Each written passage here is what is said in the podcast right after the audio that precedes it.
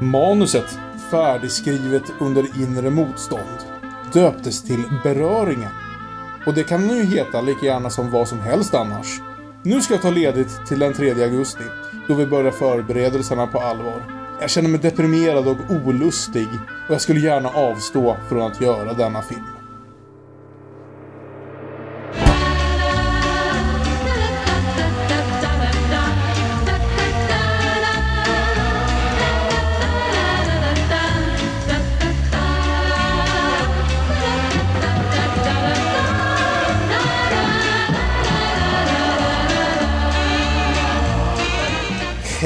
Och välkomna till Demonpodden. Podden där vi tittar oss hela vägen igenom de allra flesta av Ingmar Bergmans filmer under året 2019 och förmodligen lite av 2020 om vi ska vara ärliga med oss själva. Det är dags att starta upp Ingmars 70-tal och det gör vi med kvällens film Beröringen. Jag heter Kalle Färm och med mig som alltid på ordinarie plats har jag Björn Waller. Hej. Och Aron Eriksson. Tjena. Och vår allra vanligaste gäst får hänga med igen. Olof Ekström, hej! Hej. Och som ni säkert hör av ljudkvaliteten om inte annat så är det här ett av de här avsnitten som vi faktiskt spelar in tillsammans i ett och samma rum. De allra flesta avsnitt spelar vi in via internet när vi alla sitter i varsin stad och så vidare. Men ett par gånger tidigare, Skammen och eh, Fängelse, har vi lyckats samlas och så även ikväll för att prata om beröringen. Skål. Skål! Eh, Och gudarna ska veta att man behövde alkohol för att ta sig igenom den här filmen. Ja, det tenderar att vara mer alkohol inblandat när vi faktiskt spelar in en, ett sånt här avsnitt tillsammans, tillsammans i rummet än när vi sitter på varsitt håll. Ja, hur är det Aron? Du har ingen extra film den här veckan som du har sett? Nej, vi kommer att prata om Fora-dokumenten som gör det första har dykt upp. Men det kommer vi att behandla om ett tag. Fra, lite När framöver. båda har dykt upp. Som du är det där enda av våra fans som har suttit och väntat. När fan ska de prata om får-dokument? Så får du vänta några avsnitt till. Någon måste ju ha tänkt det. Det blir nog marionetterna. Så jag börjar som alltid med att läsa ett litet synopsis av veckans film innan vi börjar diskutera den lite närmare. Karin Vergerus är gift med läkaren Andreas. Hon träffar en judisk arkeolog, David Kovacs, som hon inleder ett hemligt förhållande med. David är full av självförakt och grälar med Karin som slits mellan sina känslor för honom och sina plikter mot man och barn. Till slut går Karin och David skilda vägar. Och ja, vad ska man säga? Som man kanske till och med hör av synopsis så är inte det här en av Bergmans mest originella filmer och jag vill säga att det finns en allmän ton här i rummet av att det här kommer inte vara ett av de här avsnitten där vi sitter och bara dyrkar vår Ingmar och eh, liksom höjer dem till skyarna för jag får känslan av att det var en ganska dämpad ton här i rummet. Rent generellt, eller vad säger ni? Nej, men det var väl ingen höjdare det här direkt. Det, det, det är liksom det är ganska ordinärt 70-talsmelodrama egentligen.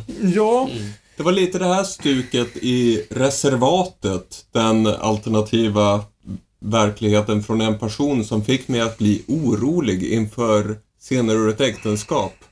När Bergman gör borgerliga äktenskapsdramer så blir det kanske inte superbra. Det vi ska förtydliga lite, framförallt för er som kanske inte har sett filmen när ni lyssnar på det här, är ju alltså att Karin Vergerus som vi pratar om här spelas av Bibi Andersson. Men läkaren, da eller förlåt, arkeologen David som hon träffar spelas av Elliot Gould. En amerikansk skådespelare som man kan känna igen från lite olika saker och som vid tillfället var gift med Barbara Streisand. Och det betyder ju alltså att stora delar av den här filmen utspelas på engelska. Allting är sköts logiskt som det, som att människor pratar svenska när de borde prata svenska med varandra. Men sen så är det väldigt många scener då med den här amerikanska mannen. Vilket betyder att Bibi Andersson och Max von Sydow, som också är med i den här filmen, får visa hur skickliga eller inte de är på att leverera repliker naturligt på engelska. Och blandade resultat. Ja, nej, men jag tycker de gör ett väldigt bra jobb. Ja. Däremot så har vi ytterligare en eh, person i, i sammanhanget och det är ju Ingmar själv som då har blivit tvungen att skriva på engelska. Och det var ju inte en bra idé. Det ska vi dock säga att det, det verkar finnas två versioner av den här filmen. Mhm. Och eh, det fanns en, ja den vi nu då har sett. och en helt engelskspråkig. Och eh, i bilder som ju kom 1990, vill jag säga. Någonting sånt. Så skriver vår person Ingmar att det fanns en originalversion som numera inte tycks existera. Där talade man engelska med engelskspråkiga och svenska med svenskar. Vilket alltså är den vi nu har sett. vi har sett. Ja. Men han skriver vidare här. Jag tror möjligen att den var något mindre outhärdlig än den alltigenom engelskspråkiga version mm. som gjordes på amerikanska önskemål. Och här tänker han sig att denna tvåspråkiga version inte längre verkar existera men den har tydligen Uppdagats. dammats Ja. av. Och för vi ska säga så här att det här är ju tekniskt sett en amerikansk film. Den presenteras, i förtexterna står det inte beröringen, det står The Touch. Eh, och den presenteras med, eh, som, som en skapelse av ett amerikanskt filmbolag och så vidare. Och allt det här började väl som vi förstår av Jane Magnussons dokumentär i att Barbara Streisand gärna hade eh, gjort något samarbete med Ingmar och gjorde att, äh, ja, kopplade samman honom även om, med amerikanska filmbolag, även om hon sen inte själv kunde medverka. Jag vill säga att det var så det var. Inte Streisand hade- hade väl ett film- senare. Barbra Streisand hade ju ett filmprojekt på gång med Ingmar Bergman som Mm. var ganska långt gånget men väl, som väl inte blev av. Nej, precis. Men, men kanske kopplade ihop Ingmar med sin man istället då. Ja. Jag vill säga att det var senare. Men Var det så? eh, jag kan ha fel. Hur som helst, det här var efter att han blivit populär i Amerika under 60-talet så ville ett amerikanskt filmbolag satsa på Ingmar. Och det kan man väl förstå. Bara det att eh, det är intressant att se en, Sven, en Ingmar Bergman-film som utspelas i Sverige under 90% av tiden, där åtminstone 50% av dialogen är på svenska, men som presenteras med liksom en engelsk titel och så vidare. Och ja, det är bara det första av alla konstiga saker vi ska se i den här filmen. Jag vet inte om vi vill... Jag kan säga så här själv, att jag tycker att det känns rent generellt som en film som har mycket intressanta detaljer, men missar där det räknas, nämligen i själva huvudhistorien. Jag, jag är mest förbannad över att det känns som att det finns saker här som hade kunnat bli en bra film. Mm. Men att det känns som att antingen Ingmar eller kraven från produktionsbolaget fullst- är fullständigt ointresserade av de delarna. Mm. Och bara liksom skippar över dem. Jag skulle kunna säga så här, jag är inte säker på att det här är den sämsta filmen vi har sett, men det är möjligen den tråkigaste eller mest ointressanta. För vad fan det än var som pågick i, för att inte tala om alla dessa kvinnor, som jag förmodligen skulle behöva benämna den sämsta filmen vi har sett, åtminstone fram till den här punkten, så var det i alla fall så jävla konstigt att jag inte riktigt kunde släppa det med blicken. Sen var det inte bra.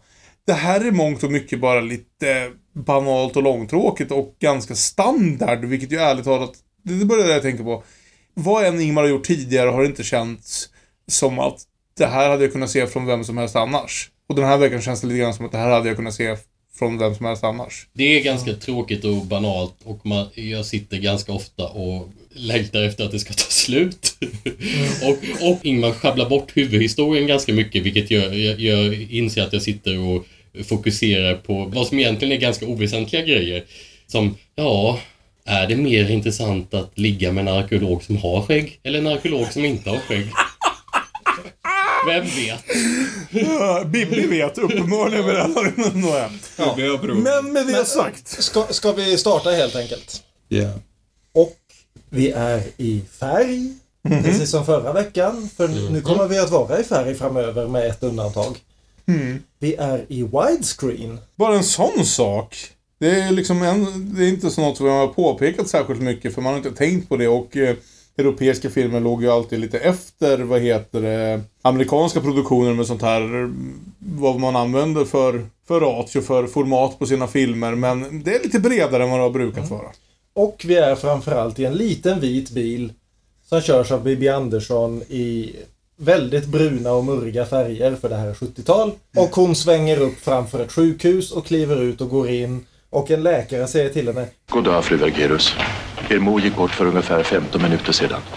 Det är den mest Bergmanska start, starten på en jävla Bergman-film man någonsin har hört. I alla fall som första replik är det ju helt sanslöst. Och det skrämmande är att det är nästan den mest eh, naturliga repliken i hela filmen. Så kan man i alla fall den mest Bergmanska. Vi kommer liksom, för, för, för mycket av det här kommer vi inte ens komma tillbaka till. Jag hade älskat och tänkte ofta på det här senare om de hade kopplat samman det här faktumet att det här är en kvinna som precis har förlorat sin mor. Mm. Och det hade kopplat samman mer med historien vi faktiskt ska få. Ja, Nej, jag tänkte också på det eftersom det, det ändå är en intressant scen den första men den har ju ingen egentligen betydelse för resten. och, och det är ju det som är så irriterande för alltså första scenerna här lutar ju ändå att det ska bli något Bergmanskt av det. Att vi har Bibi Andersson som går in, där ligger eh, Barbro Hjort av Ornäs och spelar död i sängen. Och Bibi gråter lite grann och samlar sig och knyter ihop sig mentalt igen. Och går ut och pratar rakt in i kameran när hon pratar till sköterskan som frågar om hon vill ha sin mors eh, saker nu eller senare. Och hon går ut och bryter ihop i trapphuset. Och så långt är allt okej. Ja, det här är en riktigt bra scen alltså. Jag tänkte lite på Buffy-avsnittet The Buddy. Det är ingen musik, det är en plågsam tystnad och samtidigt ljudet från gatan utanför. Vardagen fortsätter precis likadant. Bryr sig inte om att denna katastrof har hänt. Men där kliver då Elliot Gould in. Och förstör den här jävla filmen. Och vi Nej. på säga, ja, Nej, nej, vi, vi ska inte skylla det här på Elliot Gould. Han, Jag kan skylla det till viss del på Elliot Gould. Eller i alla fall på Elliot Gould så som han framstår i den här filmen. Jag säger inte att det är hans fel som skådespelare, men karaktären som han spelar är mitt problem med hela den här filmen, tror jag någonstans. Alltså det är mitt största problem med den här filmen. Vi pratade lite om det här innan och Elliot Gould är en skådis som många av oss tror sig vara bekanta med utan att egentligen vara jättebekanta med honom. Jag tänker på honom från, vi var allihopa bekanta med honom måste man väl erkänna, från Vänner. Från Vänner, ja. Ja, som Ross och, Ray, eh, Ross och Monikas mamma. Ja, typ, typ något sånt. Vi lämnar det. Jag tänker inte ta om det. Ross och Monikas mamma. Kör på. Kör- Ja. Eh, själv är jag ju bekant med honom från ER, tv-serien, när han spelar mot George Clooney. Ej att förväxlas med tv-serien ER med George Clooney som han slog igenom i. Det här är alltså en tv-serie som gjordes några år tidigare med samma titel och samma premiss och med George Clooney fast mycket, mycket sämre. Jag, jag ska säga att eh, helt ärligt så tänker jag mest på Elliot Gould från en trio Robert Oldman-filmer från 70-talet. Eh, MASH, där han spelade en roll som vi alla minns mycket mer när den spelades av en annan snubbe i en tv-serie i 11 år. Sen The Long Goodbye, där han spelar Raymond Chandlers Philip Marlowe, som vi alla minns mycket mer, när han spelas av Humphrey Bogart. Och sen så i Nashville, där jag inte minns honom mycket alls, men jag vet att han var med där. Jag har med i MASH-filmen. Just det. Han spelar Mm. Hawkeye. Nej, Nej, Dag Sutherland spelar Hawkeye. Han Just spelar det. Trapper. så är det. Hur som helst. Så det som, Capricorn One. Capricorn One. Capricorn One. Capricorn One. Absolut. Jät- jättebra film. Capricorn One, seriöst, jättebra film. Ja. Ja. Eh, men hur som helst, det som händer här nu när vi har haft den här väldigt Bergmanska scenen där Bibi sitter och gråter och har blivit övergiven av den tidigare generationen och allt det här. Så går vi direkt från att Elliot Gould frågar henne om hon mår bra och hon ryter åt honom att lämna mig i fred.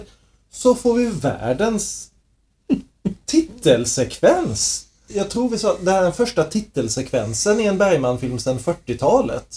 Om, en, om inte den första någonsin. Därför att i så många år nu, ända sedan, ja, sedan sjunde inseglet väl, så har Ja. titelsekvenserna i Bergman-filmer bestått av antingen vita bokstäver på en svart bakgrund eller möjligen någon gång svarta bokstäver på en vit bakgrund. Nu får vi istället ett romantiskt montage av Bibi och Elliot som knatar runt i ett höstigt Visby i typ 4-5 minuter. Ja. Med, medan eh, textremsorna rullar ABC Productions proudly present an Ingmar Bergman movie.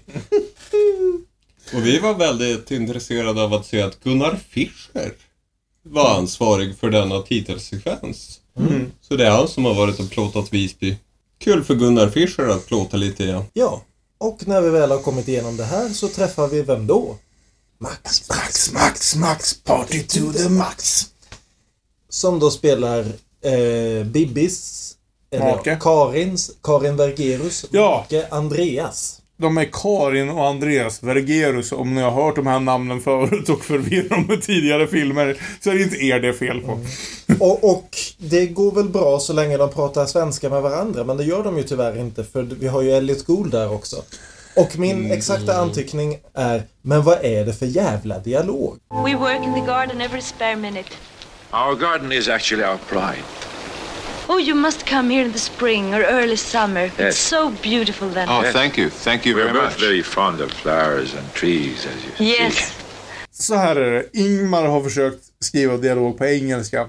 Ingmar, som man också hör om man lyssnar på intervjuer han har behövt ge på engelska från ungefär den här tiden, jag vet att jag har lyssnat på ett par, är inte sådär jätteduktig på att liksom uttrycka sig på engelska. Han kan prata engelska. Det är en annan sak att faktiskt uttrycka sig så som man kan uttrycka sig på svenska på ett annat språk. För den här dialogen är platt för att säga det snällaste. Det här är... Är det här på allvar? Det är så tramsigt, står det i min anteckning. Ja. You know, it's very difficult to talk about that kind of thing, especially when you speak a foreign language. Nej, nej, nej, för det som hä- vi, vi får lite allmän dialog mellan Max, Elliot och Bibi. Och så fort Elliot och Bibi är ensamma i en scen så går Elliot direkt på att förklara att han älskar henne och han frågar om hennes äktenskap är lyckligt och att han måste ha henne. Och detta är, nej, det, det är inte menat som någonting utan jag måste bara berätta det här för dig. Du ska inte ta det här som liksom ett löfte på något sätt men och det kunde jag möjligen köpa om det fanns någon som helst kemi emellan dem. Men det gör ju inte det. Det finns ett stort problem med den här filmen som jag sa. Och, grejen är inte det att jag vill inte lägga det här vid Elliot Gould, skådespelarens fötter. Men däremot hans karaktär är rätt igenom en jävla skitstövel. Det finns inget, som jag känner i alla fall, som liksom förklarar varför Bibian skulle liksom ha en dragning eller känna något för den här mannen eller det liksom, normalt sett brukar man se i såna här filmer om otrohet eller något annat, få se liksom någon slags charmig sida, någonting han erbjuder som inte hennes man erbjuder. Ett minne om att vara yngre eller liksom en flykt till något annat eller så här. Han är inte- tråkig och ja. träig och arg och lite bitter och hon bara så jävla våt just nu. Ja. Vet samtidigt, samtidigt som vi heller inte får sådär väldigt mycket dåligt om eh, Andreas Vergerus. Nej. Inte alls. Han, han är möjligen lite småtråkig men in, inte liksom någon... Jag menar Bergman har skrivit rejäla träbockar till Akta män förut och Andreas Vergerus är inte i närheten av dem. Nej, Där han, han, är känner mest jag- en, han är mest en liten små, småtrist, men, men han är inte någon ointressant person. Nej. Nej, nej men, men där känner jag dock att det är po- poängen. Och jag skulle tycka så här. Det vore jätteintressant. Jag tycker att Max och Max karaktär är det, den bästa delen av den här filmen. För det är intressant för mig att ha ett otrohetsdrama där karln inte är en skitstövel som på något sätt liksom gör det förtjänat att det är helt okej att hon är otrogen med någon annan. Den biten tycker jag är intressant. Men du behöver en pull också. Men då behöver man en annan Ja. manlig karaktär som drar den ifrån det här som på något sätt gör det alls förståeligt och Elliot, Elliot Gould är inte it. Nej. Det är också roligt att konstatera att Elliot Gould verkar vara den enda som tycker riktigt bra om den här filmen. Kanske i hela världen. Ja. Han tycker det är ett mästerverk. Han tycker det är bland det bästa han gjort. Jo, ha- ha- han till och med lånade ut sin egen print av den här filmen för ett par år sedan till en Bergman-festival i New York. Sin egen privata print. För han tycker att det här är en fantastisk film som fler borde se. Ja. Och det... Ja men, go Elliot! Ja, men Jag jag, tycker det är tråkigt att den Om- inte uppskattas mycket. Den har ju lite motvind eftersom Ingmar Ja. sagt att det är en av hans sämsta och en mardröm. Och... jag är till mycket, li- tillräckligt mycket av en narcissist att hade jag spelat huvudrollen i en enda Bergman-film, och med en den sämsta Bergman-filmen, hade jag förmodligen aldrig slutat prata om den. Nej. men, men, men hur som helst, det, det stora problemet här tycker jag, det är liksom att jag menar Bergman har alltid skrivit i monologer. Men i de flesta filmer under de senaste åtminstone 20 åren av hans karriär så har det känts som att de här monologerna på något vis hakar i varandra. Det är inte nödvändigtvis så folk pratar på riktigt. Men de på något vis har någonting med varandra att göra. De- Och här känns det som att de här tre ändå väldigt, väldigt bra skådisarna pratar i mun på varandra utan att någon lyssnar på vad någon annan säger. Eller ens är intresserad av att någon annan befinner sig i rummet. Folk levererar sina repliker rakt ut. De låter inte naturliga för fem öre och det är bara ingenting har med någonting annat att göra. Nej. Det, det är en väldigt dålig inledning på filmen. Ska vi presentera vem Elliot spelar? Ja. Eh, David Kovacs är arkitekt och han Nej, är... han är inte arkitekt. arkeolog va? Min anteckning är faktiskt ark. Han har byggt en ark. Det ska regna i 40 dagar och 40 nätter. Aronofsky-podden nästa år.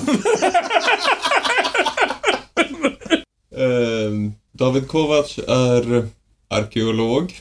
Han är i Sverige för att renovera en kyrka. Där det bland annat finns en Maria-staty som har varit en enorm upptäckt när de knackat ut någon vägg. Riktigt gammal sak. Vad fan gör den här i Sverige? Denna Maria-staty kommer vi att återkomma till till, ja, tveksamma metaforiska syften. Men det är i alla fall vad han gör i Sverige. Och tveksamma biologiska förklaringar. Tveksamma biologiska förklaringar. Men det här tyckte jag var kul att eh, han är ju eh, på besök hos paret Vergerus och eh, Andreas, Max. Visar alla sina diabilder av varenda rolig, Diabilder få- tycker jag varenda rolig fågel han någonsin har sett. Där fick, där, där, där fick man ju ändå lite roliga flashbacks till barndomen och alla släktingar som skulle visa jobbiga semesterbilder. And here is, uh, this is uh, one day uh, Anders fell overboard. He's soaking wet. It doesn't show really, but um, I think there is another. No, this is not it either. I have a beautiful orchid somewhere, uh, which is called. No. No, who has been using these slime? Oh, this is it. Oh, this is one of my favorites. It's an orchid. It's called Ophrys insectifera. Uh, uh, it, it, because it looks like an insect, like a fly. Uh, it attracts the Andreas? interest of the fly. Andreas, are you yes. sure David is so interested? Oh no, no, no. Men, men, Diabilderna var en viktig del och, och det var ju mycket orkidéer på de här bilderna från semestrarna. och, så, och så var det också den fantastiska repliken. Det där är en åsna som vi köpte åt min son. Den dog efter två veckor. Och vid det här laget i filmen så satt vi alla och stirrade på varandra och så här, har vi ens satt igång rätt film? För det här verkar vara en sån annan kvalitet. Men det är också mycket möjligt den mest underhållande sekvensen i filmen, tyvärr. Hur som helst så Elliot Gould super, super sig snygg och drar hem och så får vi då morgonen efter den fina familjefrukosten satt till den mest irriterande jävla låtsas 60-tals jazzpop jag någonsin har hört. Ni, ni vet det här? Eller vårt nya huvudtema. Ja,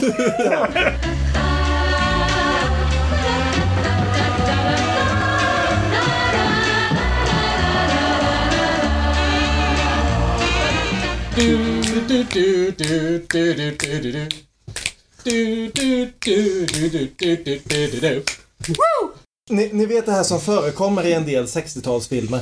Där man kör någon sån här som låter nästan som popmusik eller som låter nästan som jazzmusik men som ingen verklig människa någonsin i världshistorien har köpt en skiva med och lagt på. Det är sånt här som jävla filmmakare som inte har brytt sig om popmusik sedan 1850 tror att kidsen lyssnar på. Ja. Och jag hatar det. Och, och det är ännu värre därför att det är alltså den som Ingmar Bergman har fått att skriva detta och måste han verkligen ha fått betalt för det här. Det är alltså Jan Johansson. Det är en av svensk musiks stora under 1900-talet. Som har tvingats prostituera sig för att skriva denna jävla skit! Det, det, det kan ha bidragit. Jag, jag undrar, jag kom på att jag undrar om inte han dog några år innan den här filmen så han, han kan ha... Han, han, han, kan, han, kan ha snott, han kan ha snott den här snotten utan... Uh, jo, han, Jag dog inte han 68? jag tror han dog på 60-talet någon gång. Ja!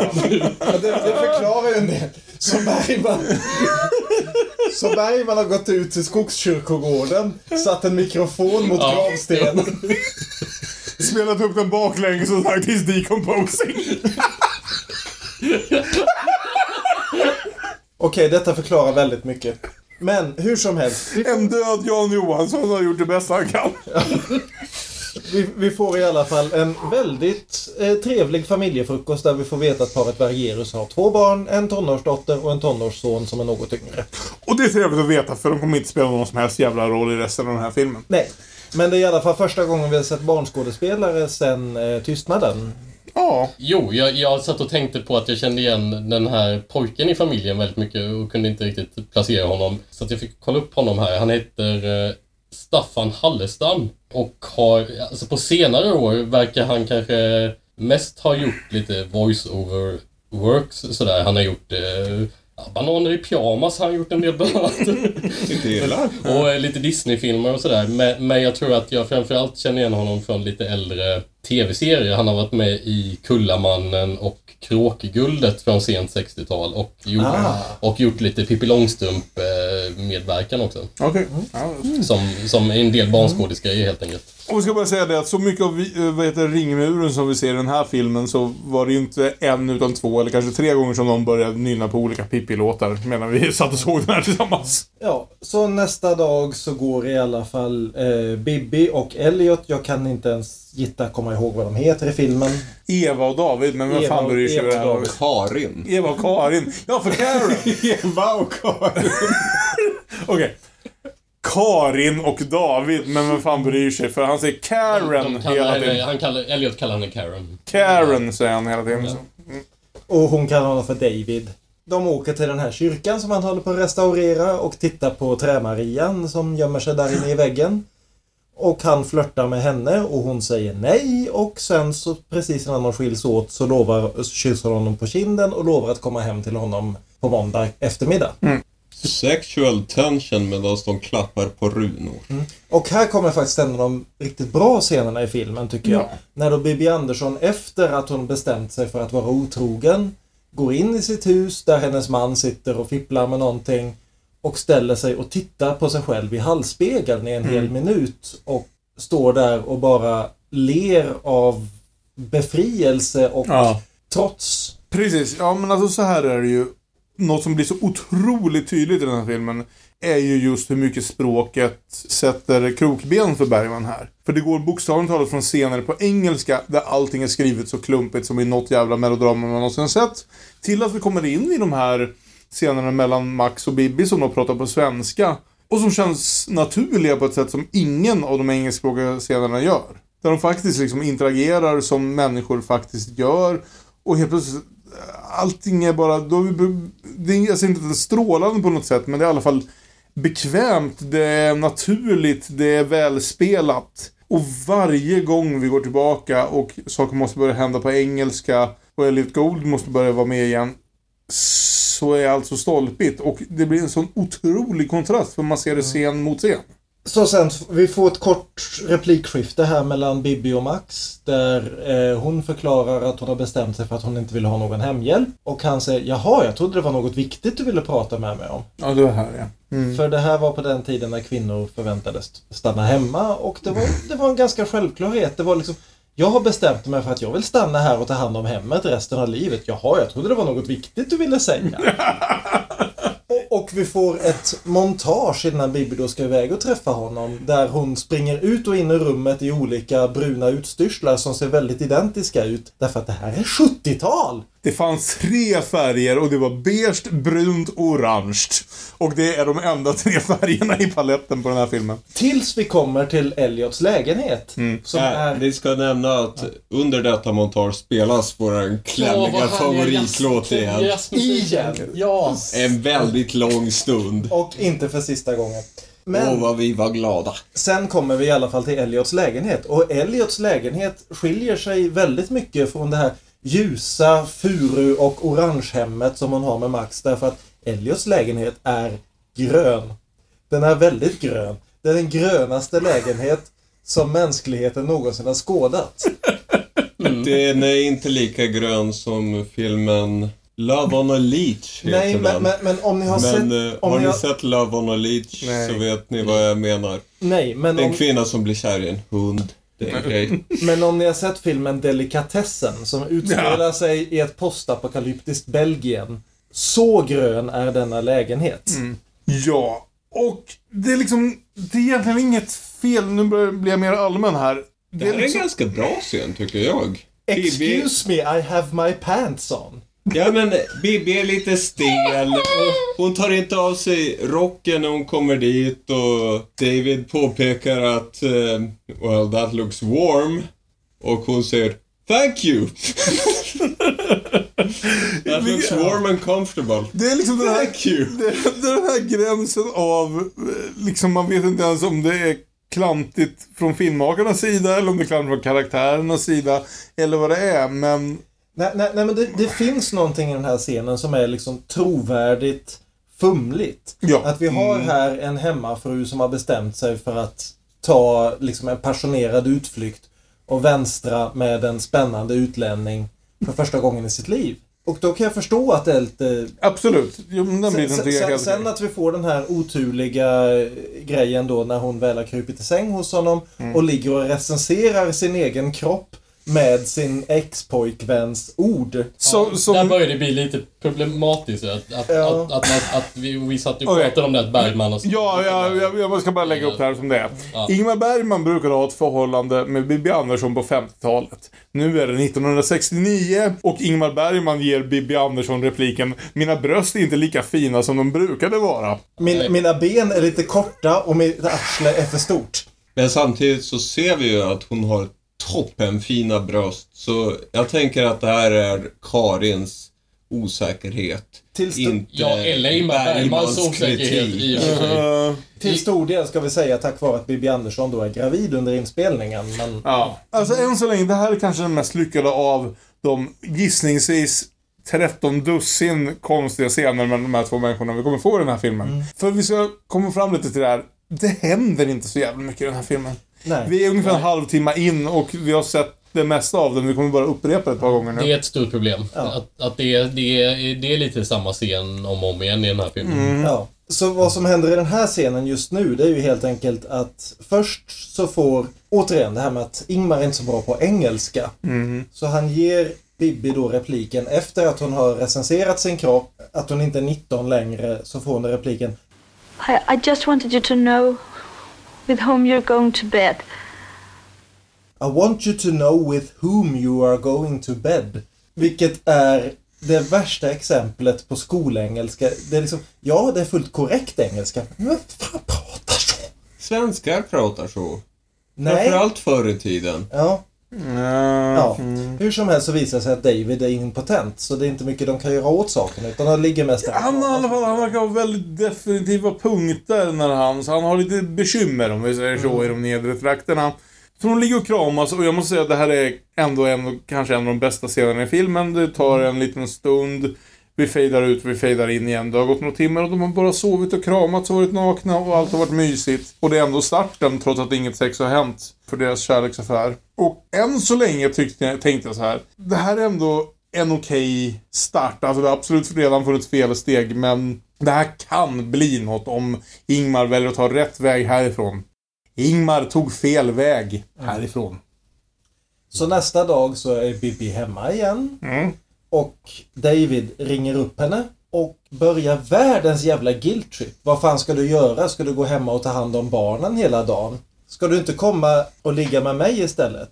Och när hon väl kommer så blir han asförbannad och försöker först våldta henne. Sen svär han på jiddisch för det är viktigt att etablera att han är jude också. Och sen sätter han sig och gråter. Varpå Bibi säger istället för att säga okej, ja, det är sån du är, tack, hej, vi ses genom jobbet någon gång. Så säger hon I can take my clothes off myself. Och sätter sig ner och tar av sig trosorna. Han klättrar på henne och våldtar henne och skriker åt henne Don't look at me! Don't look at me! Och grejen är så här. Jag är inte ens säker på att det här är den scenen utan vi har säkert hoppat över några scener. Men det spelar ingen roll. För det är några scener här som är ungefär samma scen. Mm. Vi, vi Mina får- anteckningar är, ja, på de här två scenerna. Telefon. David instabil? Frågatecken. Nästa scen. Besök. David instabil? Utropstecken. Ja. Och vi har ännu inte fått någon... Så här ska vi säga. Okej okej nu att nu är vi fyra män som sitter och diskuterar det här.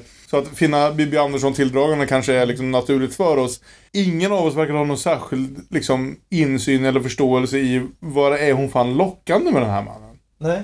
Det ges aldrig liksom någon förklaring eller någon orsak alls för att vilja ha ett förhållande just med honom. Det kan mycket väl, man kan se hennes familjesituation som en sån där hon är lite uttråkad och hemma, hemmamamma och så vidare och gärna skulle leta sig till något annat Men hon kanske har valt den tråkigaste jävla snubben ändå. Han, han har ett skägg. Det, det är ungefär summa summarum av hans personlighet hit- hittills. Han är amerikan och han har ett skägg. Och han svär på jiddisch nu vet vi. Och sen Ja. så får han lite mer personlighet efter det. Det är inte mycket Jo, till det, men, Men å andra sidan, något försök pappa till har backstory. skägget då i och för sig. Så att, eh, Ja, men det är senare. Ja. Men, men Ja. han får ett försök till backstory. är också en av de finare scenerna. Jag är inte säker på om den kommer nu, för jag har fan ingen aning. Jo, den kommer nu. Ja. Där han då går igenom sitt familjealbum med Mm. henne. Och berättar att han är då från en tysk-judisk släkt och att han och några få av hans släktingar var de enda som skickades ut ur Berlin Mm. innan eh, ridån gick ner och resten av hans släkt försvann i gasugnarna. Och det är ju, det är jättebra grej. Det är absolut, det är någonting, det kan vara grund för ett fantastiskt drama.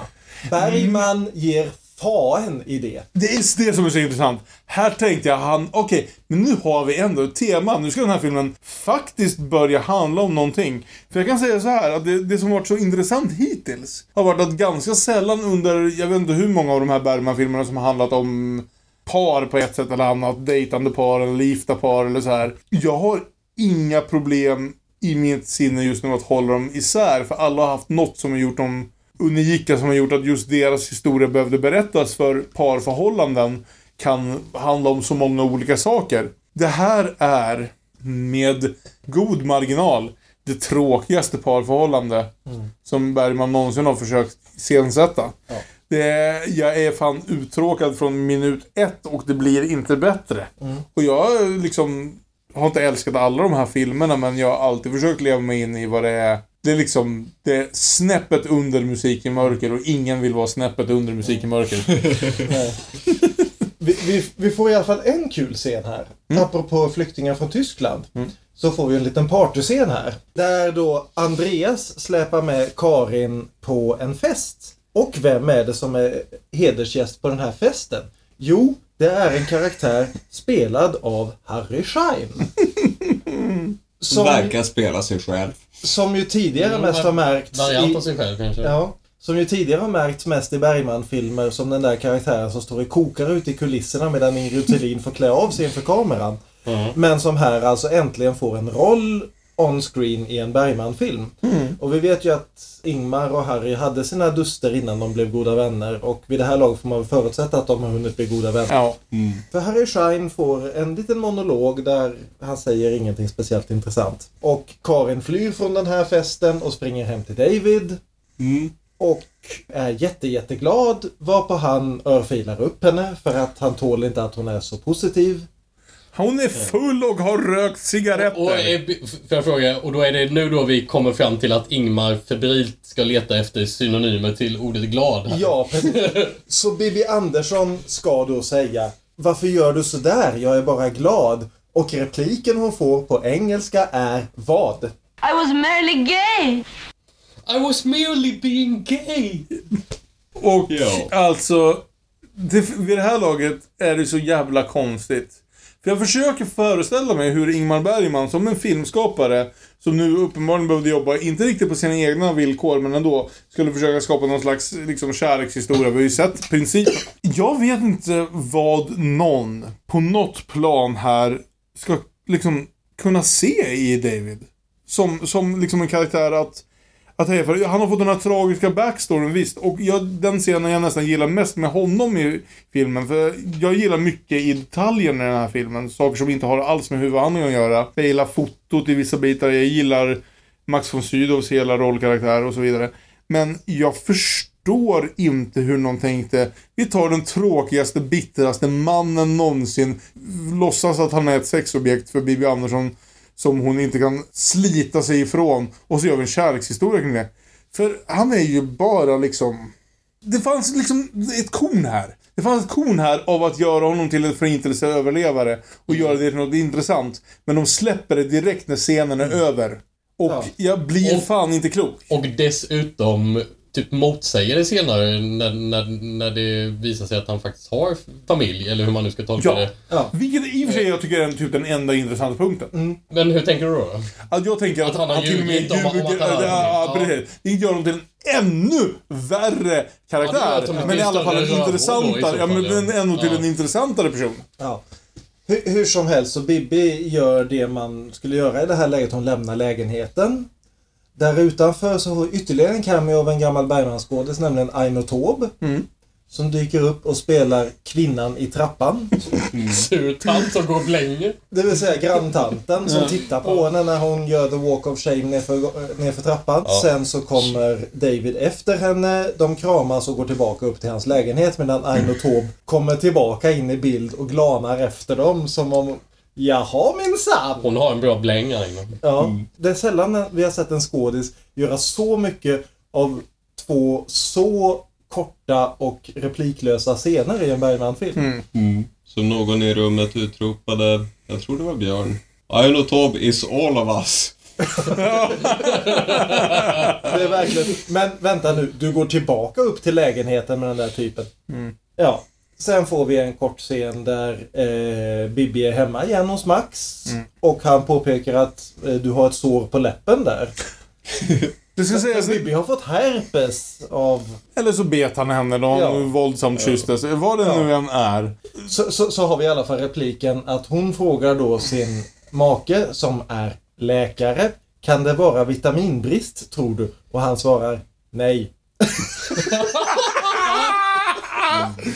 Det ska sägas, tycker jag, den här filmen blir dubbelt så bra direkt Max är i. Alltså alla scener med Max. Jag gillar Max i den här filmen. Alltså jag tycker, rent skådespelarmässigt, Bibi gör vad hon kan med den Ja. vekaste karaktär Bergman någonsin har gett henne. Men Max karaktär är ju på riktigt intressant. För han är ju alltså en, en, en läkare, en äkta make som ganska snart verkar på det klara med vad det är hans hustru håller på med.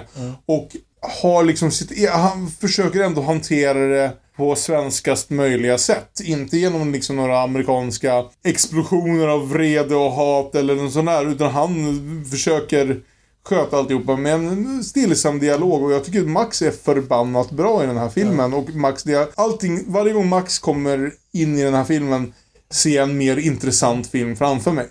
Sen ska vi säga också att vi får i de här två scenerna två riktigt bra sexscener också tycker jag. Vi har dels en sexscen då mellan Bibi och Elliot och sen en mellan Bibi och Max. Mm.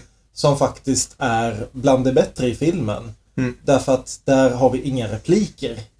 Vilket är- Vilket är den här filmens stora jävla svaghet. Så fort någon öppnar munnen så dör filmen. Men just de här scenerna tycker jag är riktigt fina faktiskt.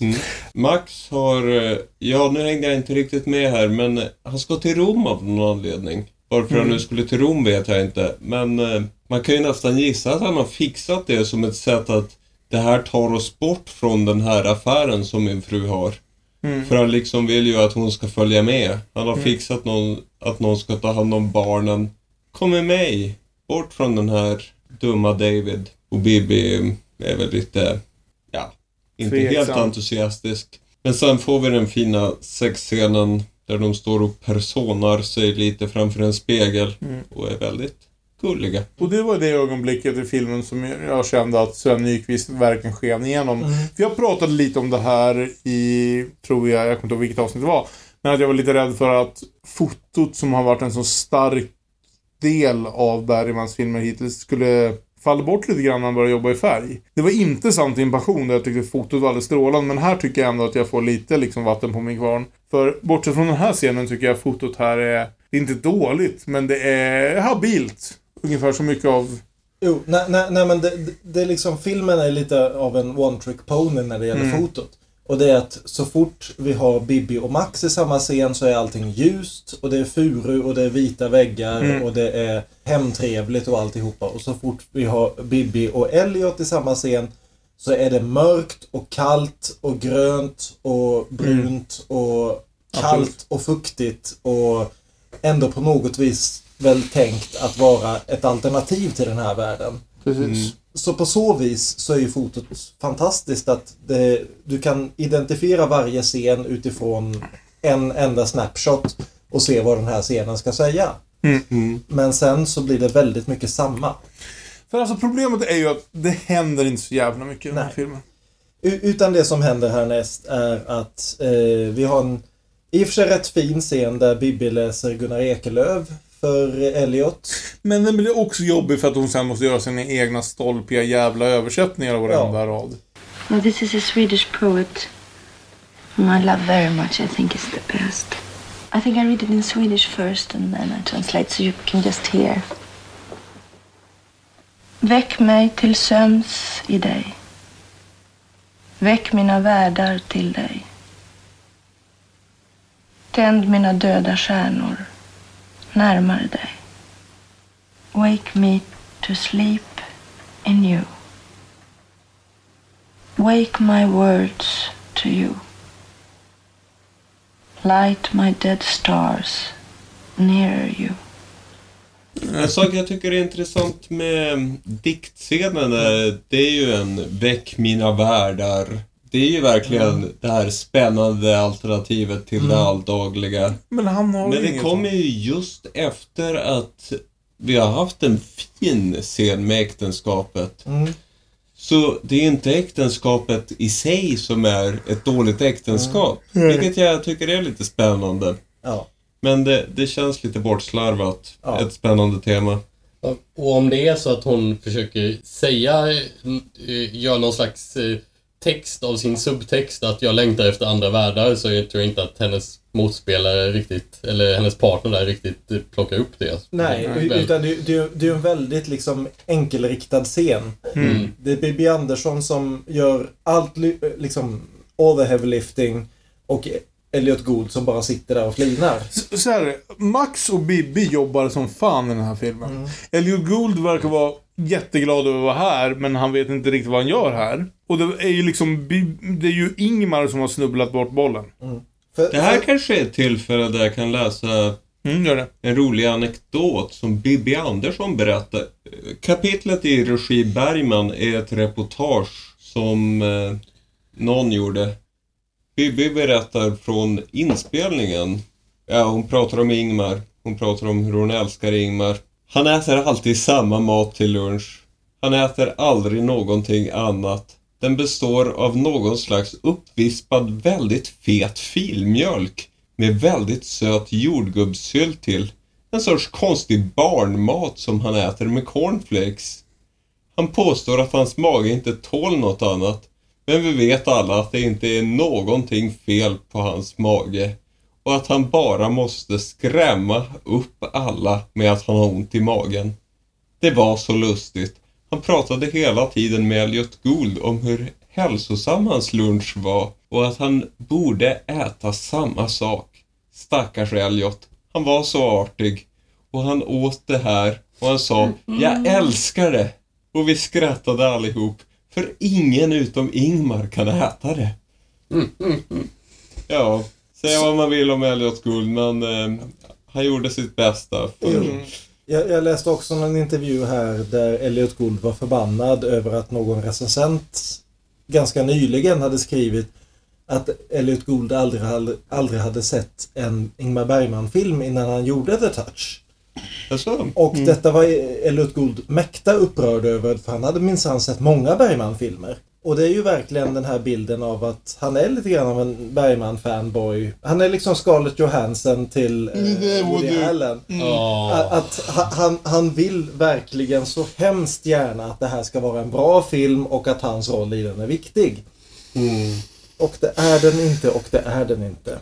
Vi får i alla fall här en scen som återigen ser ut att höra hemma i en Bergman-film. Nämligen det här att David lämnar Visby, flyger iväg någon annanstans. Och på grund av den här enorma passionen som av någon outgrundlig anledning har uppstått mellan de här två, två personerna så skriver de brev fram och tillbaka över Nordsjön till varandra. Mm. Varje dag. Så som älskande par uppenbarligen gör i såna här filmer. Ja, och vi får då Elliot Gould och Bibi Andersson som pratar rakt in i kameran med svart bakgrund och det ser ut som en Bergman-film för det här såg vi. Vi såg precis samma sak i En passion, vi såg precis samma sak i eh, Nattvardsgästerna. Men var är glöden? Var, var är poängen? Var, de- säger ingenting som är intressant. De är, det är två skådisar som läser upp en text in i en kamera. Jag tyckte i och för sig att den scenen på sätt och vis var helt okej förutom man, man bortser från att det gjordes, har gjorts mycket bättre i de där andra filmerna som du sa.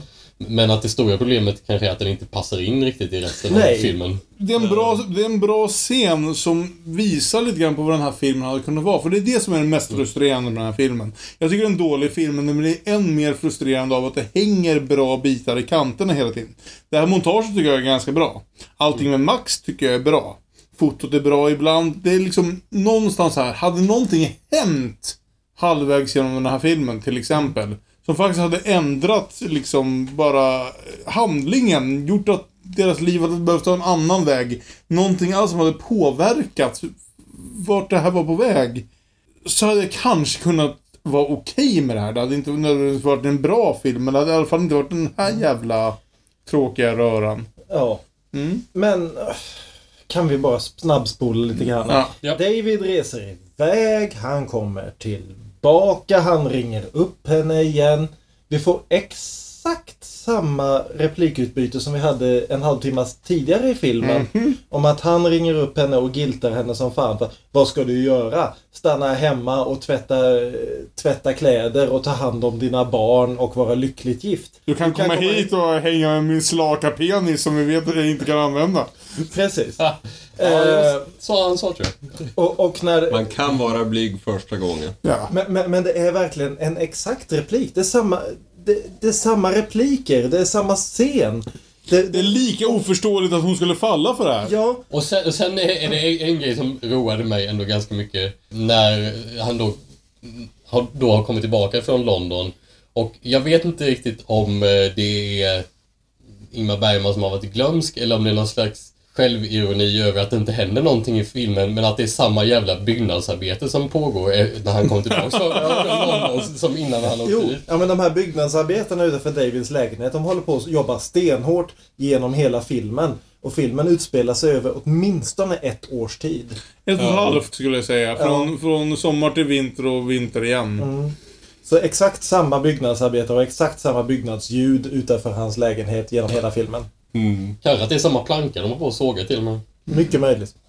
Det mest intressanta att David har kommit tillbaka det är då att han har rakat sig. Jag trodde något skulle hänt. Om vi bara går tillbaka till en annan eh, Elliot Gould-produktion. När Ross åker iväg till London kommer han i alla fall tillbaka med en ny flickvän som styr upp lite i, fan i handlingen. Och eh, inte ens det händer här, utan han Nej. kommer tillbaka. Det har gått ett halvår. Men- och allt blir Och det, samma och det skit. intressanta är att den, den rakade Elliot Gould ser ut lite grann som David Schwimmer. Bra casting. Men, men det som händer här är ju att plötsligt när de ligger där och vänslas nakna i sängen så knackar det på dörren och vem kommer in? Jo, Max, Max, Max, Max, Max. Party to the max! det är första gången vi har använt den där, eh, den där jingeln två gånger och det är det enda sättet att liva upp den här filmen. Därför att Aino Taube, som springer ikring där ute och håller koll på allting, hon har ju skrivit ett brev till Max för Visby visar sig en väldigt, väldigt liten stad. Och det är svårt att förneka. Some people are so thoughtful. Ah. Anonymous, of course. Naturally, I wouldn't take any notice of those poisoned pens if I didn't believe that they were telling the truth. Är det Aino Taube som har skrivit det här brevet? Förmodligen. Vi gissar det. Och så här kommer Max in och har en väldigt rationell och väldigt iskall diskussion om det här att David håller på att knulla hans fru. Faktiskt, jag skulle säga att det här är filmens bästa scen. Min fråga här är också, vet Max att Bibi är i sovrummet och hör det här? Mm, Jag tror inte det. Nej. Jag tror faktiskt inte det. För det men men jag trodde det skulle spela in mer än vad det gör. Men nej, det avslöjar sig inte. Men jag tror ändå inte det. Jag funderade på samma sak dock. Men jag tror han är så rationell att det skulle gå emot hans logik om han visste det just då.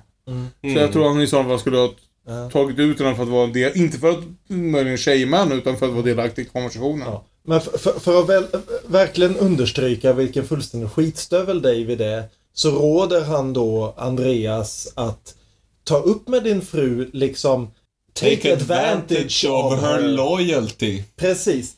Verkligen se till att gnugga in liksom att men du har ju barn att ta hand om. Du har ju ändå en lojalitet. Du är ju ändå gift. Det är liksom din lojalitet är ju inte mot dig själv utan det är mot din make. Mm. Och Max svarar iskallt att nej men det tänker jag inte göra alls. Och jag tycker att du är väldigt liksom, att med tanke på att det första gången vi träffades så var när jag räddade dig från ett självmordsförsök. Något vi inte har fått höra talas om en enda gång tidigare i filmen och som vi aldrig tas upp igen i filmen. Men att vi inte har fått höra om det tidigare är ju att det är en plot Och twist. Jag håller Ja, med. men en Ja. plot twist som sen bara släpps tio sekunder Ja, senare. så vi inte twistar någonting. Nej. Nej, så... U- utan... Max hade ju lovat att aldrig prata om det Ja. igen och när han blir påminn om detta löfte så säger han Just det, jag hade ju lovat att inte prata om det igen. Och så, pra- och så pratar han inte om det igen. Så fullt logiskt. Ja. Åh, herregud. Utan istället så ska då Andreas logiskt. låta eh, Karin bestämma själv. För han känner henne så pass bra efter 15 års äktenskap som att han vet om det är någonting hon verkligen hatar så är det att fatta beslut. Mm. Wasn't that touching? That was just too goddamn touching. That was touching as hell. Bla, bla, bla, bla, bla, bla, bla. Sen händer en massa saker. De träffas en sista gång i den här kyrkan. Ja, det är ju det mest intressanta. Och D- David upptäcker att de har liksom hittat en helt ny jävla art. Vilket borde vara det mest spännande i den här filmen om det var så jävla dumt. Men någonting har levt inuti jungfru Maria I 500 i år. 500 år. Trots att Maria varit täckt av betong och gips och vad det är. Och, Ja, de larverna har legat i de har legat i dvala. dvala i 500 år. Så en helt okänd skalbaggsart har levat inne i den här trästatyn i 500 år och legat i dvala i 500 år och när de nu har liksom öppnat upp väggen så har den börjat leva igen. Och inte bara att den lever inne utan det är liksom typ hundratals skalbaggar som bara krälar runt där utan att någon förutom den här arkeologen bryr sig. Han- Indiana Jones, he ain't. Ja, det ska ju vara någon slags metafor att den här madonnan nu tagits fram bakom stängda väggar och Elliot har väckt en ny person i Bibi som varit i dvala i Men- 15 års äktenskap. Men hur? Jag, alltså, jag Det förstår är inget principen. fel att hon eh, blir kär i liksom ett svin. Sånt händer. Ja. Men, men, Men filmen måste liksom ändå motivera det på ett Ja. bättre sätt än vad den gör. och, och vi får också det här, här att någonstans här så måste ju Bergman, vi vet ju att Bergman inte var speciellt entusiastisk över att göra den här filmen. Nej. Och här känns det som att han går tillbaka till, okej, men det finns en sak jag kan göra. Sätt kameran på Bibi, ge henne en monolog och så lyckas det. Och det lyckas inte alls. I understand how you think. I understand what it is that torments you. I understand why you're forcing me, and it makes me furious. But it only binds me to you all the more firmly. Därför att här får hon en lång monolog om att hon måste dras till den här mannen trots att han uppenbarligen hatar sig själv och hatar resten av världen på grund av det. Vilket är liksom Hollywood 101. Det här har vi sett i 50 tusen jävla tonårsfilmer. You, you can't love anyone else if you don't love yourself first. Och Satanismens den här monologen faller så platt. Och någonstans här så... Får vi reda på att är gravid vill jag säga också va? Ja. Riktigt. Det är Ja. långt senare. Ja, förlåt. Vi får en kort scen här i alla fall som fungerar och det är ju det när Bibi återvänder till hans lägenhet. Han har rest bort. Och Det är hon, bra. utan en enda replik i ett par minuter i sträck bara får ett sammanbrott. Mm. Fast hon försöker låta bli. Och helt plötsligt får Bibi göra det hon är bra på. Ja. Liksom. Det, ja. Problemet är ju att vi inte har byggt upp Bibis karaktär heller. Nej. Det är konstigt att jag kommer från den här filmen och den enda karaktär jag känner med är liksom Max von Sydows Andreas. Och Han- Aino Tov. ja, visst. Men, men, och eh, så det är så konstigt att det ska vara en kärleksfilm om förbjuden kärlek och passion som dras ur det liksom gråa svenska förhållandet. Och jag tycker inte om någon av de här människorna. Och Bibi tycker jag om mer än, än Elliot Gould. Men det är bara för att han är så förbannat jävla uppenbart otrevlig från början. Men orsaken till att jag gillar Bibi är för att det är Bibi. Det är inget som hur karaktären är skriven. Hon är fin i färg. Hon är fin i färg. Ja. Hur som helst så Karin går tillbaka till sin man och säger att David har rest till England, jag måste resa efter honom. Han svarar ganska rimligt att ja okej, men då behöver du inte komma tillbaka igen då. Nej. Han har stått ut med rätt mycket så här långt. Jag är helt okej med den Ja. saken. Men jag ska bara åka och ligga med min älskare i fyra till fem dagar. Så kommer jag tillbaka sen. Det är väl rimligt? Och hon säger åt honom, men var lite rimlig nu. Och Fuck off! Hon säger också Och- och- och- att hon måste åka. Du får prata med barnen. ja, vi får i och för sig en av, när hon väl kommer till London så får vi en av filmens roligaste scener. Absolut. När hon då kommer till eh, tullen och ska gå igenom. Och ni vet, ni vet hur det är när man... Okej, till England så är det inte så aktuellt de senaste 30 åren. Det kommer att bli det om några månader igen troligtvis. Men just att man får den här frågan som man får när man landar i USA till exempel. What is the purpose of your visit here? Det är bara det att Ingmar Bergman har aldrig brytt sig om att översätta den här i sitt huvud. Så när han väl kommer dit och ska översätta det här, då är det liksom What do you want to do in England? och det känns som en så jävla tja. Och, och Bibbis karaktär svarar ju precis som man skulle svara på den frågan. Tja, jag ska hälsa på lite kompisar kanske. Jag vet inte riktigt. Och tullmästaren vet inte riktigt vad han ska tro för han kan inte ens själv förstå att han har sagt något så jävla korkat. Så det är en väldigt rolig scen i alla fall. Ja. Och han går, hon går till Davids adress och träffar en brittisk hippie-bibi. Ska jag sno mitt skämt här. Spelad av eh, Sheila Reed. Som eh, åtminstone jag känner igen från Terry Gilliams Brazil där hon då spelar Mrs Buttle. What have you done to his body? Så det är, att hon är med i min absoluta favoritfilm, det får mig att gilla den här scenen betydligt mer. Är det hon med the facelift? Nej. Nej. Nej. Stryk den. Hon har en my- mycket, mycket mindre scen, men mycket minnesvärd scen. Ja. Hon, hon är den som sätter igång hela storyn, mer eller mindre. Det visar sig dock att, eh, ja, Bibi fruktar ju att David har en annan kvinna här, vilket ju är vad vi eh, Gissar och inbjuds att Så, tro. och därför jag skrek brittisk hippie-bibi när hon först dök upp. För jag tänkte, åh gud, han har en annan Han kvinna hela.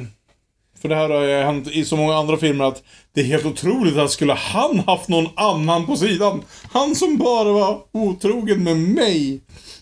Alltså ska det bre varje dag. Ja, ja, men det var hans syster. Och, Och det och, och konstigt. vi ska nämna också Ja. att hon bor i exakt samma lägenhet som han, fast den är nu målad kritvit. Inte helt, vi är inte helt säkra på det här, men det är en god gissning. Och det tycker jag ändå vore en fin symbolik, så jag hoppas ändå att det var så. Men det intressanta är... Det är lågbudget som eh, funkar för att berätta en historia på något vis. Ja. Men det intressanta här det, det är ju då att hon berättar A. Att hon har sett att Bibi är gravid. Och hittills har man kanske i filmen tänkt att okej, Bibi Andersson är gravid men Karin Vergerus är det inte. Nej. Men här så plötsligt så blir Karin Vergerus det också. Och samtidigt talar hon om att de har mus- muskeldystrofi, är ärftligt i familjen. Och plötsligt så måste då Karin Vergerus ta, ta itu med det här att det här barnet hon bär på troligtvis bär på den här sjukdomen. Och återigen, detta kommer aldrig mer upp Nej. i filmen överhuvudtaget! Det är en film som levererar så mycket intressanta teman i kanterna som man hade kunnat göra en bra film av. Och den är inte intresserad av något av det, för den gör den plattaste jävla... Någonting som amerikaner trodde var a Bergman movie. En men jag person tänkte, gjorde jag ju tänkte som... också mycket på det att, att hon kunde ha reagerat där på nej, jag kanske har ett barn som är sjukt. Ja, Ja. Och det, det hade kunnat bli då eh, en twist som hade kunnat avsluta filmen på ett intressant sätt. Men, men Ja. det... Nej, det sipprade iväg Nej. snabbare än det kom. Utan istället får vi här ett timeskip som är väldigt otydligt hur långt det är. Hon, är jätte, hon var lite gravid och nu är hon jättegravid. Ja, Mm. de är tillbaka någonstans i Sverige, oklart var. Oklart vad som har hänt däremellan. Oklart vad förhållandet mellan Karin och Andreas är. Oklart var hon bor. Oklart var han bor. Oklart någonting överhuvudtaget. Oklart varför David är tillbaka i Sverige, för han åkte väl igen. Ja, precis. Ja. Han åker och kommer och kommer och åker. Mm. Och de springer ihop där i ett växthus. Som, som i alla fall Olof kunde identifiera. Ja, växthuset ligger i alla fall i Stockholm. Eh, Jag har varit där. Om det nu ska utspela där, säg där är en annan fråga. Men, Mm. Och där så plötsligt så förklarar David att han kan inte leva utan henne. Vilket är en intressant replik för någon som har tillbringat hela filmen med att springa iväg ifrån henne. Och hon svarar att det kan du visst. Och han skriker jag vet att du ljuger. Och där slutar filmen! Så, jag tror att jag blir så här, jag, om jag försöker vara snäll här och försöker hitta en mening med det här jävla hopkoket som Bergman uppenbarligen försökt göra. Så menar han att det här är det, det eviga jävla, liksom, vi får aldrig något slut på det här. Folk springer iväg, de kommer tillbaka, de vill pussas, de vill språka. Så springer de iväg igen, så kommer de tillbaka, så vill de pussas, så vill de bråka. Och om man, det är det han vill säga, så fine. Men han har sagt det bättre förr, han kommer säga det bättre igen. Vi är bara två veckor ifrån senare ut äktenskap nu. Oh, fan, dags att poppa champagneflaskorna. Vi är snart där. Jag säger så här, jag är inte 100% än, för vi såg den här filmen precis innan inspelning, på att det här är den sämsta filmen Ingmar Bergman gjort. Men det är den tråkigaste filmen han har gjort. Jag tycker ändå det finns några scener som höjer den över eh, det sämsta. Ja, jag kan Det här att det finns en helt engelskspråkig version eh, får en ju frukta det värsta. Och det, det kan vi också säga att det nämns ofta som eh, den första engelskspråkiga Bergman. Han gjorde väl också Sånt händer inte här i en engelskspråkig version som fan. dock verkar ännu mindre bevarad än den svenskspråkiga versionen. Och jag har ju faktiskt sett, nu ska vi inte spoila framåt, men jag har sett, jag har sett den kommande Ormens ägg. Vi får väl se. Lite, lite cliffhanger inför det. Blir det bättre nästa gång han ska vara på engelska? Jag känner att jag vill säga någonting om produktplaceringen i den här filmen. Ja. Eller i alla fall något som filmen blev anklagad för. För jag känner mig lite tveksam efter att ha sett filmen om det verkligen var speciellt mycket produktplacering. Men det var något som vissa krit samtida kritiker i Sverige i alla fall hade anmärkning på att de tyckte att det var för mycket varumärken som syntes i bild och Bergman hade minsann sålt sig och, de, och att det slä- slängde, slängdes in så lite små elaka kommentarer i, eh, i olika recensioner och sen så gjorde bland annat eh, Expressen någon grej på detta där de intervjuade bland annat en, en recensent som hade slängt in sådana elaka kommentarer i sin recension och bad honom exemplifiera. Vad menade du egentligen för varumärken som Bergman ska ha har använt. Ja, då, så, då hade han ju skrivit upp det på en lapp under filmen och tyvärr hade han råkat slänga den på väg från, från bion. Men han, han, han mindes det som att det var bland annat ett dammsugarmärke och det danska ölmärket Tuborg som var väldigt... Tuborg såg vi. Det ja, sa vi också. ja. Och man ser ju faktiskt en SL-buss vid ett tillfälle. Och en Coca-Cola-flaska. Fast utan Coca-Cola-loggan. Ja. Så man, Men, så vi man såg- kan ju tänka sig att den här recensenten kanske överdrev lite då och Bergman när han skulle kommentera detta Först gjorde han sig ju mest ganska lustig och, hi- och, eh, och hittade på en massa varumärken som eh, skulle ha fått present i filmen. Bland annat var det aktiebolag Glycerin och Rosenvatten som hade... som, som Bergman hade erbjudit en procent på, på, på all, allt snyftande som skulle bli i biosalongen när filmen visades. Det blev 0% på den. Och, eh, och sen så, eh, sen så drog han till med det här citatet som jag kan läsa. Eh, På frågan då att, ja men, är det inte ändå så, frågar journalisten, att eh, en del filmare säljer reklamplatser till sina, till sina filmer? Att jo, det händer, säger Bergman. Och jag måste säga att jag har ju svårt att mobilisera någon harm över att ett bensinbolag är så jävla dumt att det tror att det säljer mer bensin om firmaskylten syns på filmbilden några sekunder. Men varför säga nej till deras pengar? Vi arbetar ju under ett enormt finansiellt tryck, vi filmare. Personligen har jag ju aldrig behövt detta utan klarat mig utan dammsugarpengar. Mm. Så att helt okej att sälja sig, men Bergman är ju lite för bra för att behöva göra det. Vi ska ju säga så här att den här Tuborgflaskan syns ju i uppdrucken i lägenheten hos en person som eh, i filmen tydligt anses vara en alkoholist. Så jag vet inte hur bra jävla marketing det egentligen är. Nej. Nej. Jag undrar om det inte var någon liknande diskussion typ om Lost Highway? Lost Weekend menar jag förstås. Uh, Billy Wilder-filmen om alkoholism Ja. 45. Ja. Att, att, att, Det har jag glömt dricker- det här laget, Ja, där han dricker riktiga eh, spritmärken genom sin Lost Weekend och att Jag det kanske inte det är det något mest... sånt snack då. Inte det mest smickrande för de spritmärkena, skulle man tycka, men sen vann den bästa film, så vem vet? Jag vill också ha, det är en bra film. Ja. Filmen han gjorde för att förklara för Raymond Chandler vilket jävla as Raymond Chandler var. Efter att de jobbat Ja, upp på på... Double Indemnity. Precis. Ja, men han vill, det är ändå inte lika bra som Double Indemnity. För få saker är bra, lika bra som Double Indemnity. Den är bra. Tog vi slutet? Vi, Ja. ja. Har vi något mer att säga? Filmen är slut. Ja, det, det, det Visst. finns ju inget slut att Det diskutera. finns Nej. inget slut att diskutera. Det Filmen bokstavligt talat slutar direkt efter det sista grälet Och inget är sagt, inget Nej. är gjort, inget har hänt. Plö- Plötsligt bara klipper filmen rakt av. Det är inte nu älskar jag dig eller nu lämnar jag dig bara blä och så går vi vidare till nästa skit. You're a Okej. liar, I know you're a liar. Säger han som har varit den värsta lögnaren i hela filmen. Och alltså, det är så mycket i den här filmen jag skulle vilja tycka om. Jag gillar Max karaktär. Jag gillar fotot. Jag gillar miljön. Jag tycker Bibi är, gör det bästa hon kan med mat materialet hon får. Bra är Bibi på engelska egentligen. Inte så bra. Hon är... Jo, hon, hon, hon är, för att vara en svensk skådis 1970 så tycker jag Bibi Andersson gör ett bra jobb. Det tycker jag med. Hon- pratar som man förväntar sig en svensk som pratar bra engelska 1970 ska prata. Det håller jag med om. Ingmar eh, sa det att, ja, nu när det blev som eh, det blev och jag behövde en av mina vänner i den här produktionen med de här amerikanska giganterna. Och Bibi pratade också väldigt bra engelska. Ja. Så kändes det som, så bra engelska var det kanske inte. Jag tycker ändå han har nog ganska rätt. Det är nog helt okej just för omständigheterna. Men eh, Bibi har väl varit utomlands för det här laget? Och Max von Sydow har varit utomlands för Mm. Max det von här Sydow laget. har absolut varit utomlands. ja, absolut, han var Ja, ju just det, han var ju Jesus, Jesus för guds i skull. John... För guds skull. Ja, det, det var spe, specifikt för Guds skull som Max von Sydow Jag vill säga att de båda två har sett Bibi i någon amerikansk roll kring den här tiden också. Mm.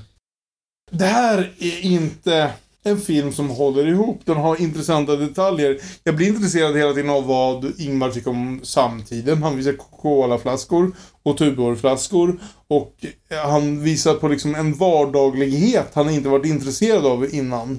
Men Nej. Den sen andra så gången vi har det sett eh, vardagligheten är reservatet och jag är orolig inför senare ur ett äktenskap. Ja. Och, jag är... och eh, till glädje. Men... Oh. Ja. Men, men, men, men det nya Sverige är det här första gången han har spe, liksom filmat på något sätt. För de senaste filmerna har varit så frånkopplade verkligheten. De har varit ute på Fårö och eh, liksom långt ifrån allting. Och äh, jag är ledsen. Nej, det här är en jävla... Det här är en katastroffilm. Inte i det benämningen, men i den andra benämningen. En katastrofal film. Det är, en, det är en film som inte fungerar egentligen någonstans. Nej, en person gjorde ju liksom det till sin, eh, till sitt eh, badge of honor att det här är en film som inte fungerar. Ja. Men Men, nej, det- nej, men den, den slängde åtminstone ut Ja. lite idéer och försökte dra in tittaren med det. En, Med, medan den här filmen bara liksom... Ja, här är, här är en idé till en film jag hade kunnat göra. Där. Den ligger där borta i hörnet. Gör något med den om ni vill, jag hittar inte. En passion är ju en av de mest intressanta filmer han har gjort. Jag säger inte en av de mest lyckade, inte en av de bästa. För vi spenderade så mycket tid. Men jag kom ifrån diskussionen om en passion och kom på dagen efter tre saker till jag hade velat säga om en passion. Trots att det förmodligen var vårt längsta avsnitt. Och nu sitter vi här och har svårt att ens komma på saker att säga om det här. Som vi ska säga också är Bergmans näst längsta film hittills. Bara att ingenting händer i den. Den är för jävla lång. Ja, men då när vi ändå kommit till någon slags avslut kring vår diskussion om beröringen så är det väl dags för... Vad heter det nu då Aron? Dubbelbull, dubbelspel, parhäst, filmfest. Ja, det är alltså delen av vårt program där vi väljer varsin film som vi tycker skulle passa bra att passa ihop med beröringen. Vi börjar ju som alltid hos vår gäst och Olof, du är vår vanligaste gäst, men ikväll en gäst. Så vilken film har du valt som du vill passa ihop med beröringen? Jag hade väldigt svårt med den här, men eh, jag valde att gå på en känsla som den här filmen gav mig. Vilket var att eh, jag, jag kände att det här var en film där huvudpersonerna hela tiden verkar glömma bort vad som har hänt i scenerna innan. Plus att det finns ingen tydlig riktigt ark i filmen så den kunde lika gärna ha berättats baklänges for, for all I care. Så, Fucking love you. så, jag, så jag säger Memento. från, från 2000. Det tycker jag är en fullkomligt solid tolkning av både beröringen och memento, så absolut. Men då kan jag gå härnäst. Mm. För jag tänkte på det här citatet i Bilder, eh, Bergman-boken. Där skriver han om beröringen att den historia som jag spelade bort på det här viset baserade sig i något för mig mycket personligt. Den älskandes hemliga liv blir så småningom det enda verkliga livet och det verkliga blir ett skenliv. Ja, då kan vi ju ta Inception för att hålla kvar vid Christopher Nolan-temat. jag tänkte säga Cronenberg-existens, men eh, sen så fick vi ett eh, Nolan-tema att spinna vidare på, så då kör vi det. Bra. Jag känner ju mest den här filmen påminner om The Dark Knight Rises. Ja. Björn, din tur. Jag tänkte väl mer haka på det här MASH-temat då. Eh, med Elliot Gould. Så byter vi ut det mot tv-serien. Så, och det här med otrohet och faktisk karaktärsutveckling genom otrohet. Så tänkte jag passa på att tipsa om Robert Mulligans Same Time Next Year från 1978. Med Alan Alda och Ellen Burstyn och ganska säker ingen annan överhuvudtaget. För hela filmen utspelar sig i ett hotellrum där Alan Alda och Ellen Burstyn träffas vartenda år i typ 30 år i sträck eller någonting sånt. För de har kommit på att de är visserligen fortfarande kära i sina respektive äkta makar men de passar väldigt bra ihop sexuellt. Så varför inte passa på att träffas en gång om året, tillbringa en natt tillsammans och sen gå tillbaka till sina vanliga liv igen. Och det är en, nu har jag inte sett den på flera år, men det är en mycket mer sympatisk film än Beröringen. Det är en film som gradvis gräver ner sig i karaktärerna mer och mer och mer för varje träff. Och det är en film som någonstans ändå vill säga någonting både om yttervärlden och om de här karaktärerna. Istället för att bara existera. Mm. Och jag, tyck, jag minns det, det är en sån här film, jag såg den för första gången för över 20 år sedan och jag minns den fortfarande. Det är inte många filmer man gör det om. Så ja, det är mitt tips. Och den är helt enkelt någonting som piggar upp en både inför idén om att det kan göras bra filmer om otrohet och att det här med otrohet faktiskt kanske är någonting att pröva på. eh, så knulla runt är hälsningen. Det var Björns hälsning och jag vill säga att det är otroligt spännande därför att eh, jag och Björn, jag har faktiskt aldrig sett den här Same Time Next Year. Eh, den film som jag har hört talas om och tänkte att jag skulle se. Men temat är slående lika filmen jag tänkte rekommendera. Som ju är Billy Wilders Avanti med utropstecken på slutet. Från 1972 med Jack Lemmon och jag vill säga att han heter Juliet Mills, den brittiska skådespelerskan som han spelar emot. Där Jack Lemmons pappa har dött på en mystisk italiensk ö. Precis som dit- Bibis mamma. Precis som Bibis mamma. Wow! Ja. Och Jack Lemmon får dit och bara för att upptäcka att han har dött i sällskap av en kvinnlig kompanjon som inte är hans mor. Och detta är en kvinnlig kompanjon som han har träffat vartenda år denna sommar på denna ö. Sedan gud vet när. Och han som är en väldigt strikt business kind of man börjar uppleva nya känslor, nya upplevelser tillsammans med då dottern till hans fars älskare. Hur sjukt nu inte det är. Det är Billy Wilders sista riktigt bra film. Han gjorde okej filmer efter det.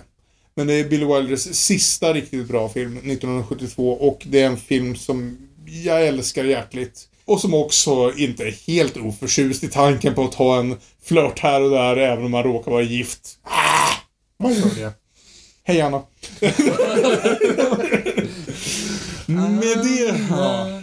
Anna mördade du din man? Anna. En person. Nu tar jag det. Med det sagt avslutar vi veckans avsnitt av Demonpodden.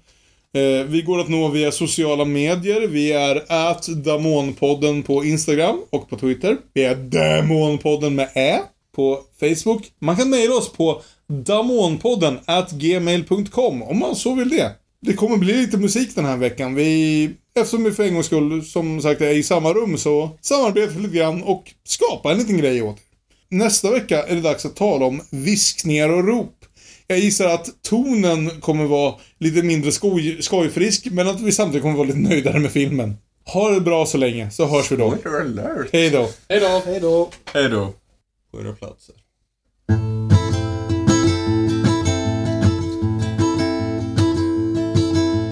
Touch me, touch me, I want to feel your body. Det är mer än en låt. Come on, come on, come on.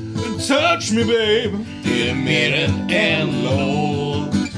Det är beröringen, beröringen, görningen. Uh-oh, beröringen. Vad vi gör, beröringen. Reach out and touch faith. Det är mer än en låt. Touch me, touch me. I wanna be dirty. Det är mer än en låt. Det är beröringen, beröringen, i görningen. Uh-oh, beröringen. Vad vi gör, beröringen.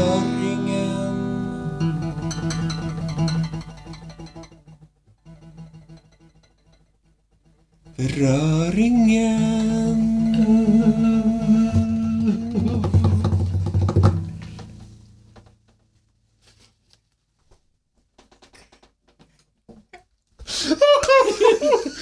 Ja.